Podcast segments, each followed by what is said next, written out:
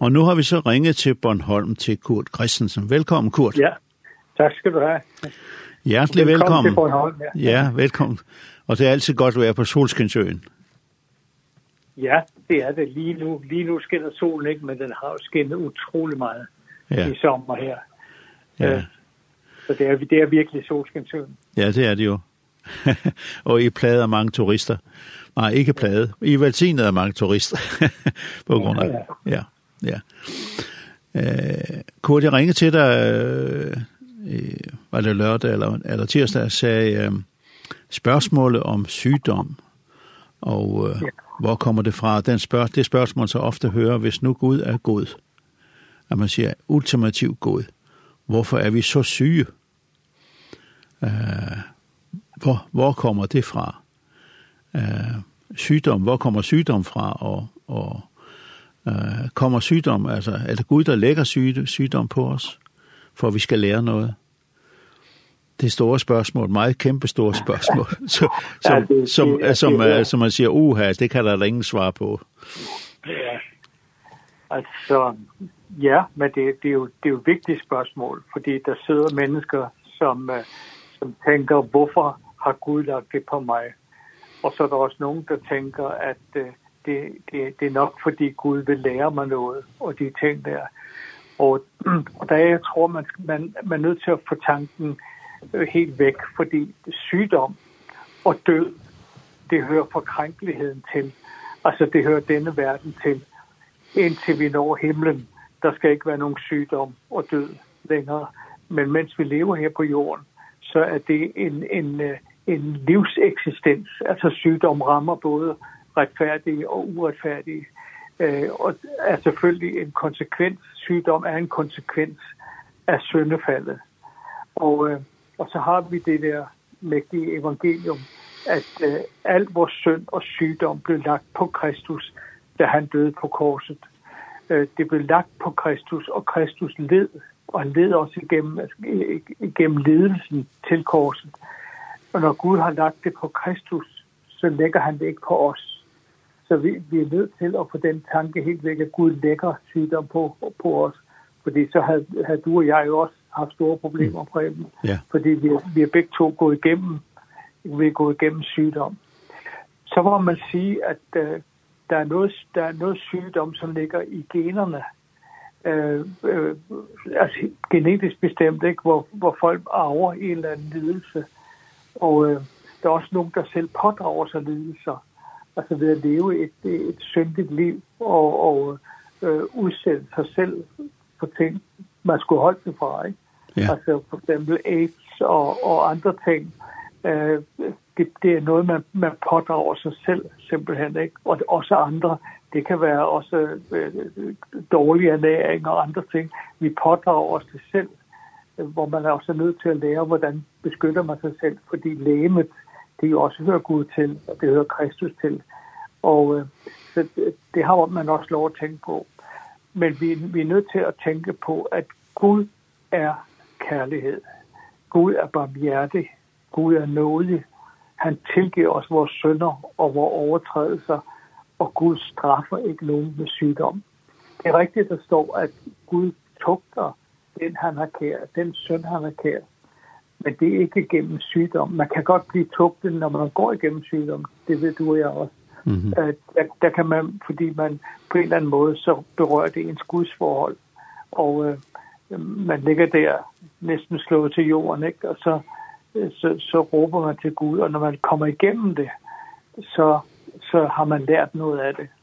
Og øh, jeg hørte lige et vidnesbørd i går, hvor jeg var i... Øh, i missionskirken og prædikede der en, der havde vidnesbyrd, som han, han, han, var, han var så syg. Og, og mens han lå der på sygelejet, han kunne ikke andet, så bad han Jesusbønnen, den her bøn, O Herre Jesus, forbarm dig over mig. Det var bare det, der kom, kom ud af ham. Og nu stod han der i går øh, og ligesom viste om, at Herren havde ført ham igennem den meget svære sygdom så langt. Mm -hmm. Så jeg, jeg, jeg tror, at man, når man går gennem sygdom, så lærer man noget, og faktisk så bliver vi på en vis måde bliver vi hele tiden tugt med kærlighed, fordi ja. Gud elsker os. Altså, Gud, Gud elsker os så højt, så han opdrager sine børn. Ja. I Johannes evangelie kapitel 9, der er også sådan en lille passus der, fordi jøderne bliver ved at snakke om, ved sygdom, hvis du er syg, så er du syndet. Ja. Det er ligesom den jødiske opfattelse. Og så spørger de uh, Rabbi, hvem har syndet? Hans som selv eller hans forældre, siden han er født ja. blind? Det er den blinde person, ikke? Og ja. så siger jeg, hverken han selv, hverken han, han selv eller forældrene har syndet. Det er præcis. Ja, altså... Det, det får Guds herlighed, skulle. Ja. Ja. Og, og, og det, det var nemlig den gængse opfattelse på den tid det var, at alt sygdom, det var nok fordi, der lå noget underliggende synd, enten hos forældrene, eller, eller det var noget fra slægten. Og man har også overdrevet det i vores tid, øh, hvor man siger, at der er en forbandelse i slægten. Mm -hmm. Og den forbandelse rammer mig. Men jeg, jeg er nødt til at sige simpelthen, al forbandelse, det blev brudt i Kristus. Mm. Og det, det, er, det er en løgn, det der med, at der ligger en forbandelse, der rammer os. Dem, som er i Kristus, bliver ikke ramt af nogen forbandelse. Og det ikke, men vi lever i det, vi lever i det forkrænkelige, altså vi ældes jo også. Og, og når, når vi ældes, så påvirker det vores høres, det gør det i hvert fald med mit, det påvirker syn, altså hvor, hvor, hvor læme går langsomt til grunde. Der, der er ingen af os, der er supermænd og kvinder, det er til det sidste. Ja. Det, det, er, det, det er livets lov, ikke? Ja. Og, og så kæmper vi som besatte for, at vi må ikke blive gamle. ja, ja. Så, så det der, man, når, når du møder folk, som snakker om, uh, jeg er glad for, at jeg fik den sygdom, fordi så det har jeg lært meget af. Ja. Ja, altså, det, man, man må ikke sige, at jeg fik den sygdom af Gud. Det må man aldrig sige, fordi det, på den måde, man næsten kommer til at, at være en hellig Gud og hans kærlighed og hans nåde og hans frelsesværk ved, at, at Gud skulle have lagt sygdom på mig, at Gud elsker dig, og han vil helst have, at du er rask, og vi har også fået lov til at bede for hinanden, så vi kan blive helbredt, og det har vi mange historier på også, og jeg er da selv et mirakel, øh, hvor jeg har været nær døden en par gange, altså jeg, jeg sidder her som et mirakel, hvor Gud har helbredt mig, den dimension har vi også. Ja men men vi vi, vi altså ligesom Kristus led så altså at at leve det er at lide. Altså vi lider simpelthen i den her forkrænkelige verden, i den her syndige verden. Eh og vi skal gå igennem den sejrende med Kristus og så er det snart forbi og vi er i den vidunderlige himmelske verden, ikke? i evigheden evighedens evighed. Ja. Eh, uh, nu siger du, at du også har været alvorlig syg, og, og det ved jeg, at du har været. Men hvad vil du sige, hvis jeg spørger dig, var Gud særlig nær, da du var syg? Hvad var han, siger du? Særlig nær hos dig, eller meget tæt hos dig, eller oplevede du hans nærvær på en anden måde, når øh, du var syg? Nej, jeg oplevede ikke så meget. Jeg var virkelig, jeg var simpelthen så syg, så, jeg, så, jeg, så jeg sagde til min kone, smid mig ud af vinduet her på Rigshospitalet. Så er det overstået. Så hun bare tilbage, de har haft så meget besvær med, at du bliver bare, hvor du er. Men, men det er så pludselig oplevet, bare en enkelt gang, så oplevede den her nærhed. Pludselig, så var Guds nærhed, og det var nok for mig. Det var måske brygdel af sekunder, men, men der, der vidste jeg bare, at han er her. Og ja. det er han jo. Han er her. Han, herren er nær. Ja. Og han er nær også hos dem, der har et sønderbrudt hjerte. Herren, herren er nær hos dem, der er fortvivlet. Herren er nær, og han er meget nær hos dem, der er syge og lider.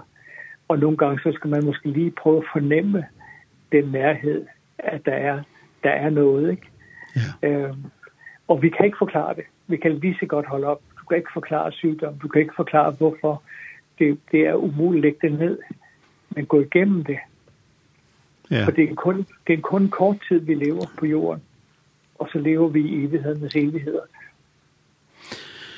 Um, er apostlens gerninger og andre steder i Bibelen, at vi ser Jesus hele tiden, han beder for syge. Han, han møder de syge, og, og de bliver helbredt. Uh, alle dem, han beder for, bliver helbredt, men selvfølgelig ikke alle, der bliver helbredt, da Jesus var øh, her på jorden. Men dem, han beder for, de bliver helbredt, og uh, apostlenes gerninger ser vi, at uh, de fortsætter med at bede i, efter hans ja. model, og folk bliver helbredt i massevis. Uh, er det noget, som vi også bør gøre i dag, bør bede for folk, der er syge? Ja, det mener jeg.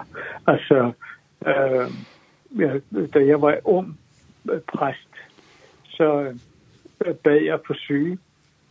Så det har jeg jo lært, og det, her, det er også min forståelse.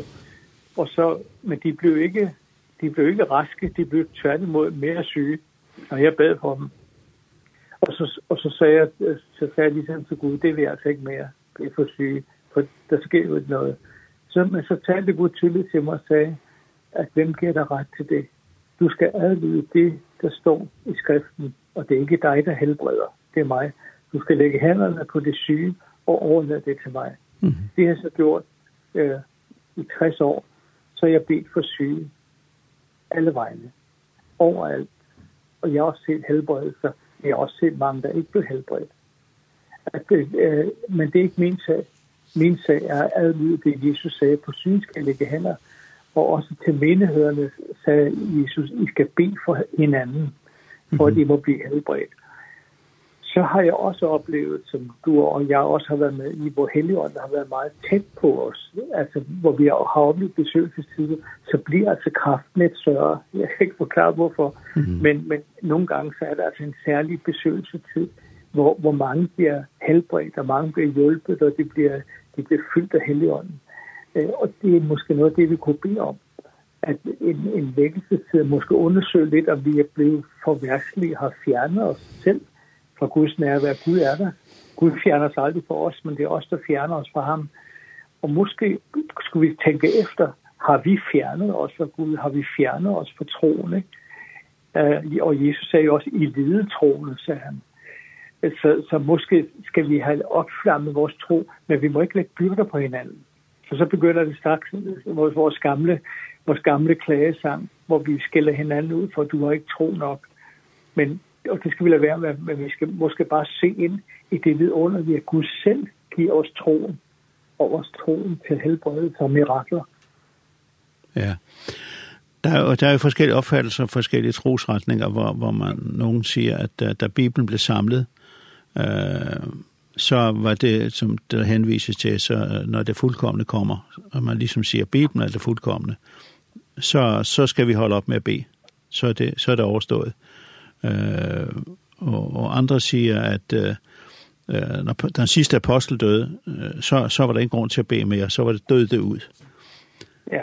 Hvad siger du til det? Ja, det mener jeg selvfølgelig er en, en, en fejl. Jeg, jeg, jeg har også jeg har hørt, jeg har hørt den, den undervisning, men altså, Helligånden blev givet for at være her altid. Øh, og, og, og pinsedag, den fortsætter stadigvæk, at mennesker bliver fyldt med helligånden, og hvor, og vi, hvor vi gennem helligånden skal herliggøre Jesus og gøre Jesu gerninger. Og det er blandt andet at bede for syge, men også bede for andre ting. Vi skal hele tiden være i bøn. Mm. Øh, øh, bede for livet, ikke? og bede for dem, der har det svært. Det siger skriften jo også. Så det, det, at, det, at det er sluttet, det, det er næsten synd for dem, der tænker sådan, fordi så slutter det jo også for dem. Ja. Yeah. Uh, Paulus snakker ikke om, uh, meget om bøn. Ja. Ja, han, han beder hele tiden, siger han. ja. ja. Så. Men, men ja, og så det, det står der jo også, bed altid, eller bed uafladeligt. Og så, og, så, og så siger man, kan man, kan man det? Det gør vi uvilkårligt. Og så er det også det, det fantastiske, jeg synes, jeg har oplevet, eller blevet fornyet i, nu i de dage, hvor jeg underviser i bøn, skal jeg også i aften. Øh, at vi, vi beder, men, men hvem er det, der giver os bønderne? Altså, Gud har selv skabt bønden helt fra menneskets skabelse, for at vi skal kunne kommunikere med vores skaber. Og, det, og hele, hele vores bønliv, det bliver fornyet i Kristus og ved Helligånden. Og vi, og vi går ind i vores kammer, og vi søger Herren, og vi beder til ham, der er det skjulte, og han hører os. Og faktisk ligger der en bøn inde i os. Og så er det nemlig hele hemmeligheden, det er, vent og lyt til, hvilke bønder Gud giver dig. Og så bed de bønder Gud giver dig. Det er dem, der bliver hørt. Men det der med at lytte efter Gud og, og høre hans stemme, ja, det, så siger, det, ja. det hører man jo også mange. Jeg hører aldrig Gud. Ja, men det, det er, så skal du høre efter alltså, måske skal du bare bede den bøn, at du, bliver, at du bliver stille, og så lade være med at kæmpe alt for meget. Du skal så overhovedet kæmpe, for vi kan ikke kæmpe os til Guds gaver. De bliver ragt os. Og, og, og, og derfor er det om bare, bare blive stille, bare sidde helt stille. Og, og se, så er det altså, og det er igen uforklarligt, men det er åbenbart for hvert menneske. Vores problem er, Preben, det er, at vi tonser bønder ud som stort set ikke har nogen mening. Det lyder pænt, men vi har ikke, de, der er ingen kraft i det. Men når vi venter på de bønder, helligånden giver os, eller Gud giver os, så er der altså kraft i dem. Mm. Det det, det underviser jeg om i, i aften, når vi er i en, en, en gruppe, en menighed på det her, som har bedt mig om at komme og hjælpe med at bede. Så vi, vi prøver at finde de bønder gennem stillhedens lektie, og så med at vente til det bliver ragt os Ja. Vi, vi, kan, vi kan ikke masse med Gud. Altså, det, det, du kan ikke faste dig til det. Du kan ikke masse dig til det. Du kan ikke handle med Gud. Men Gud elsker dig, og han er der nær. Så, så, så jeg tror bare, det er ligesom, vi, får kramper nogle gange. I vil så gerne, det var også en, der sagde til mig i går, og jeg bad for hende, hun, hun vil så gerne bryde igennem muren. Jeg siger, du kan ikke bryde igennem nogen mur. Det er mur, det er, det er Kristus, der bryder igennem hos dig. Det er ikke dig, der bryder igennem. Mm. Altså, det er hele den der hemmelighed, som er så vigtig. Ikke? Ja. Uh, du har nok fortalt den tidligere uh, her på Linden, men jeg synes, det gør nok ikke noget at lige uh, repetere det lidt, for... Um Du var, du var jo pastor i den største danske frimenighed, Tabor, i København. Ja. Og øh, der var du blevet så så træt, eller jeg ved ikke, skal sige træt som forkert ord, men du er i hvert fald så, bi, så, træt, så, så havde så meget at lave, at bønden, det var ligesom noget sekundært noget. Ja, det, det, var, det var det, der startede det hele, også med færgerne faktisk. Det var, at jeg, vi havde, det var også fordi, vi startede det der lokal tv, og, og det hele blev en succes, jo, og vi, vi arbejdede nat og dag. Øh, og så er det, at jeg, jeg går ind i sidebygningen på Lønbevej, hvor vi havde vores kirke, og, og så, så beder jeg, og så kom jeg til at kigge på mit ur, og så sagde jeg, undskyld Gud, jeg har ikke mere tid. Øh, og, og, og det slog mig. Øh, og så kom jeg op på kontoret, og, så, og der var to sekretærer, og så siger en siger til mig, er du klar over, at du først har tid om en måned eller mere til en sjældensårssamtale? Så, så, så jeg gik ind på mit kontor og sank ned, at det her, det går ikke. Og så, så måtte jeg sige, herre, hjælp mig ud af det, fordi det går ikke simpelthen og, og jeg var også ved at blive syg af det, og min kollega, han døde næsten af det, at ja, det gjorde han jo faktisk.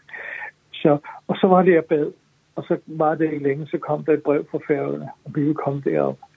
Så det, færgerne har reddet mit liv.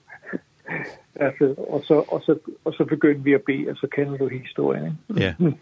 Men lytteren kender den ikke. så. nej, nej, men så, så, var, så var det, altså, det, det var jo så, at vi begyndte at bede, og, og det, der gjorde det samme igen. De mange, mange skønne mennesker i Philadelphia på landevæver, der, hvor, hvor, hvor, hvor det virkelig kunne bede mig selv, lad os prøve at være lidt stille et øjeblik. Jeg sagde faktisk, hold op med at bede. Og så begyndte vi at vente på Herren. Og det afsted kom jo en vækkelse, hvor der kunne komme mindst 100 mennesker mandag aften for at bede og så har, har vi gode resultater og frugter af det. Ikke? Ja. Det vil sige, det der med at være, jeg må bryde igennem, altså det skal være nu og sådan det, det, det, det er noget, vi skal glemme fuldstændig. Vi må, vi må lære at ja, vente ja, på Herren. Ja, ja det, det, det skal vi simpelthen, Preben, fordi altså, Gud har skabt tiden, og, og vi er tidsbegrænsede mennesker. Og Jesus selv respekterede tiden. Han sagde, min tid er ikke kommet endnu. Og det er vi også nødt til at sige nogle gange, at min tid er ikke kommet endnu. Jeg venter indtil tiden er der. Og Gud giver hver enkelt af os tid. Og den tid, han giver os, det er for, at vi skal lære hans kærlighed at kende. Det er Gud, der skaber helt, og han har en tid, vi skal leve, og en tid, vi skal have fra. Og der skal vi lære at respektere simpelthen tiden.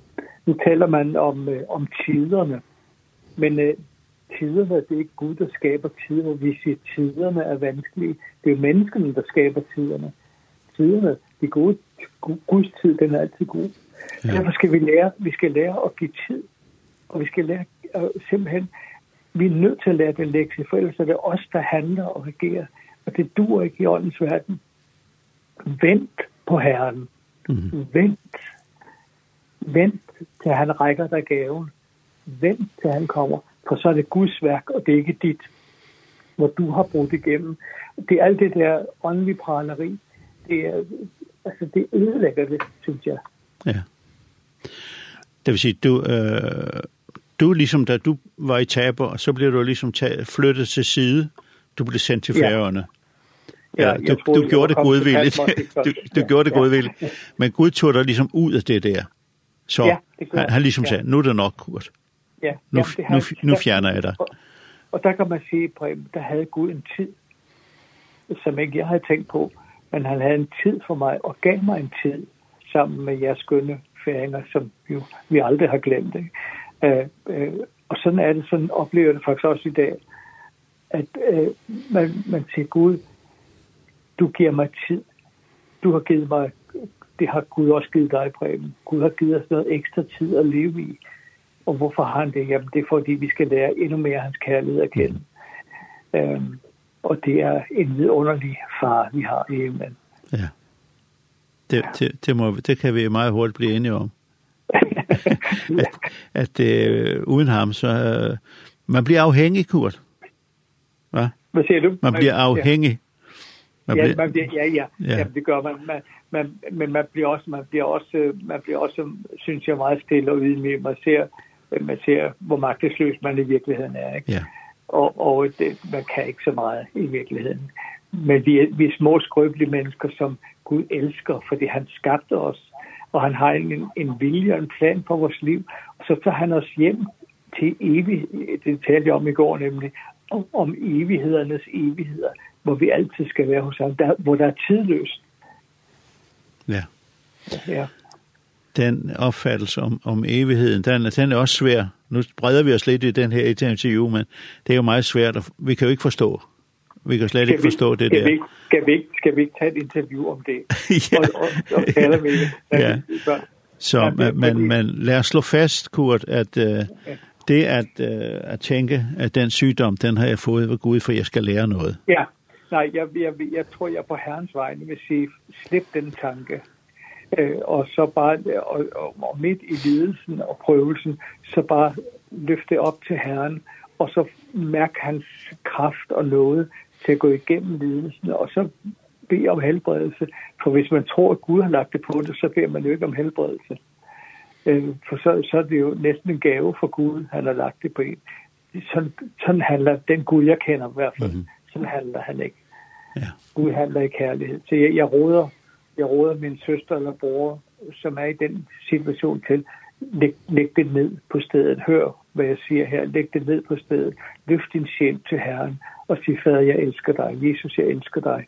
Og jeg ved, at du er med mig også igennem dette. Og jeg beder om, at jeg må komme igennem den her lidelse hurtigst muligt. Ja. Og lad os stå sammen om at bede for dem, der er syge, dem, der ønsker forbøn. Så. Ja. Så det er en bibels et bibels princip. Ja. Ja. Tak for, at I kunne ringe til dig, Kurt. Og, og ja. øh, Uh, I har det jo lidt, det kommer det meget tæt på jer. Det er noget helt andet med, med det der gas, så det er noget, I, I sikkert mærker hver dag. ja, altså vi, vi, vi, jeg synes ikke, at det, det rører sig meget, der har det sammen igen med alt, hvad der sker i verden, alle trusler og så, ja. atom og alle de her ting vi må bare sige, at vi hviler i Herren. Og vi ja. siger, Gud, Gud, ske din vilje, det er dig, der råder. Og ja. Gud, har alt under, Gud har alt under kontrol. Ja. Ja. Tak for Kurt, og helt omkring dig. Ja, i lige måde, ja. Preben. Og ja. Guds fred til alle. Ja. ja. Hej, hej. Hej, hej, hej. Navne Jesus blækner aldrig, tager sig og tidens tånd. Navne Jesus, det er evig, ingen det utslette kan. Det har bud til unge gamle, skyter stadig friske skudd. Det har evnen til å samle alle sjeler inn Navne Jesus må jeg elske. Det har satt min sjel i brann Ved det navnet fant jeg frelse. Intet annet frelse kan. Jesu navn hvor skjønt det klinger La det runge over jord intet annet verden bring. Og på trøst som dette ord. For den navn må hate vike. For den navn må ondskap fly. Ved den navn skal rettferdsrike Skyte friske skudd på ny. Navn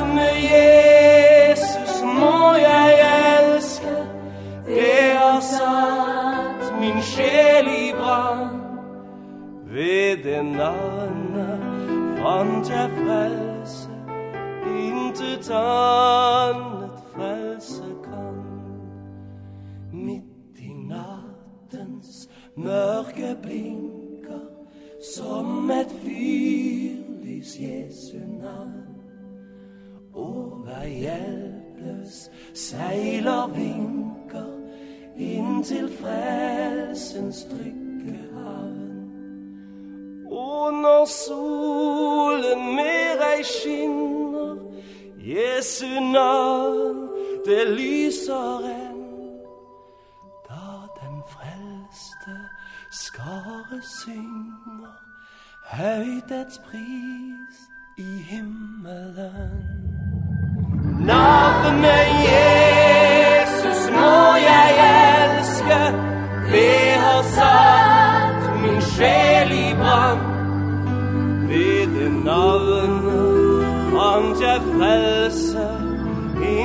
sonnet frelse kan Navnet Jesus må jeg elske Det har satt min sjel i brand.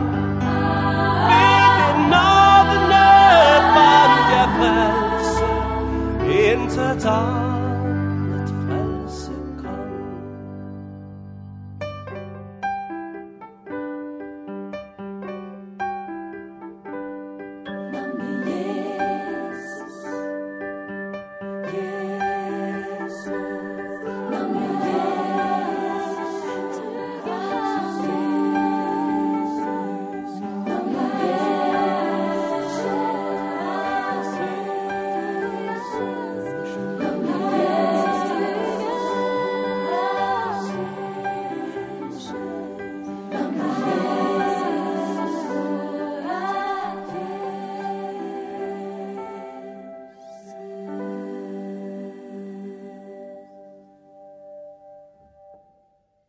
Vi tar en samrøve vi Kors Kristensen ur Bonholm. Det var så sint om lekk god sjuker av mennesker. Og om man ber for sjuk.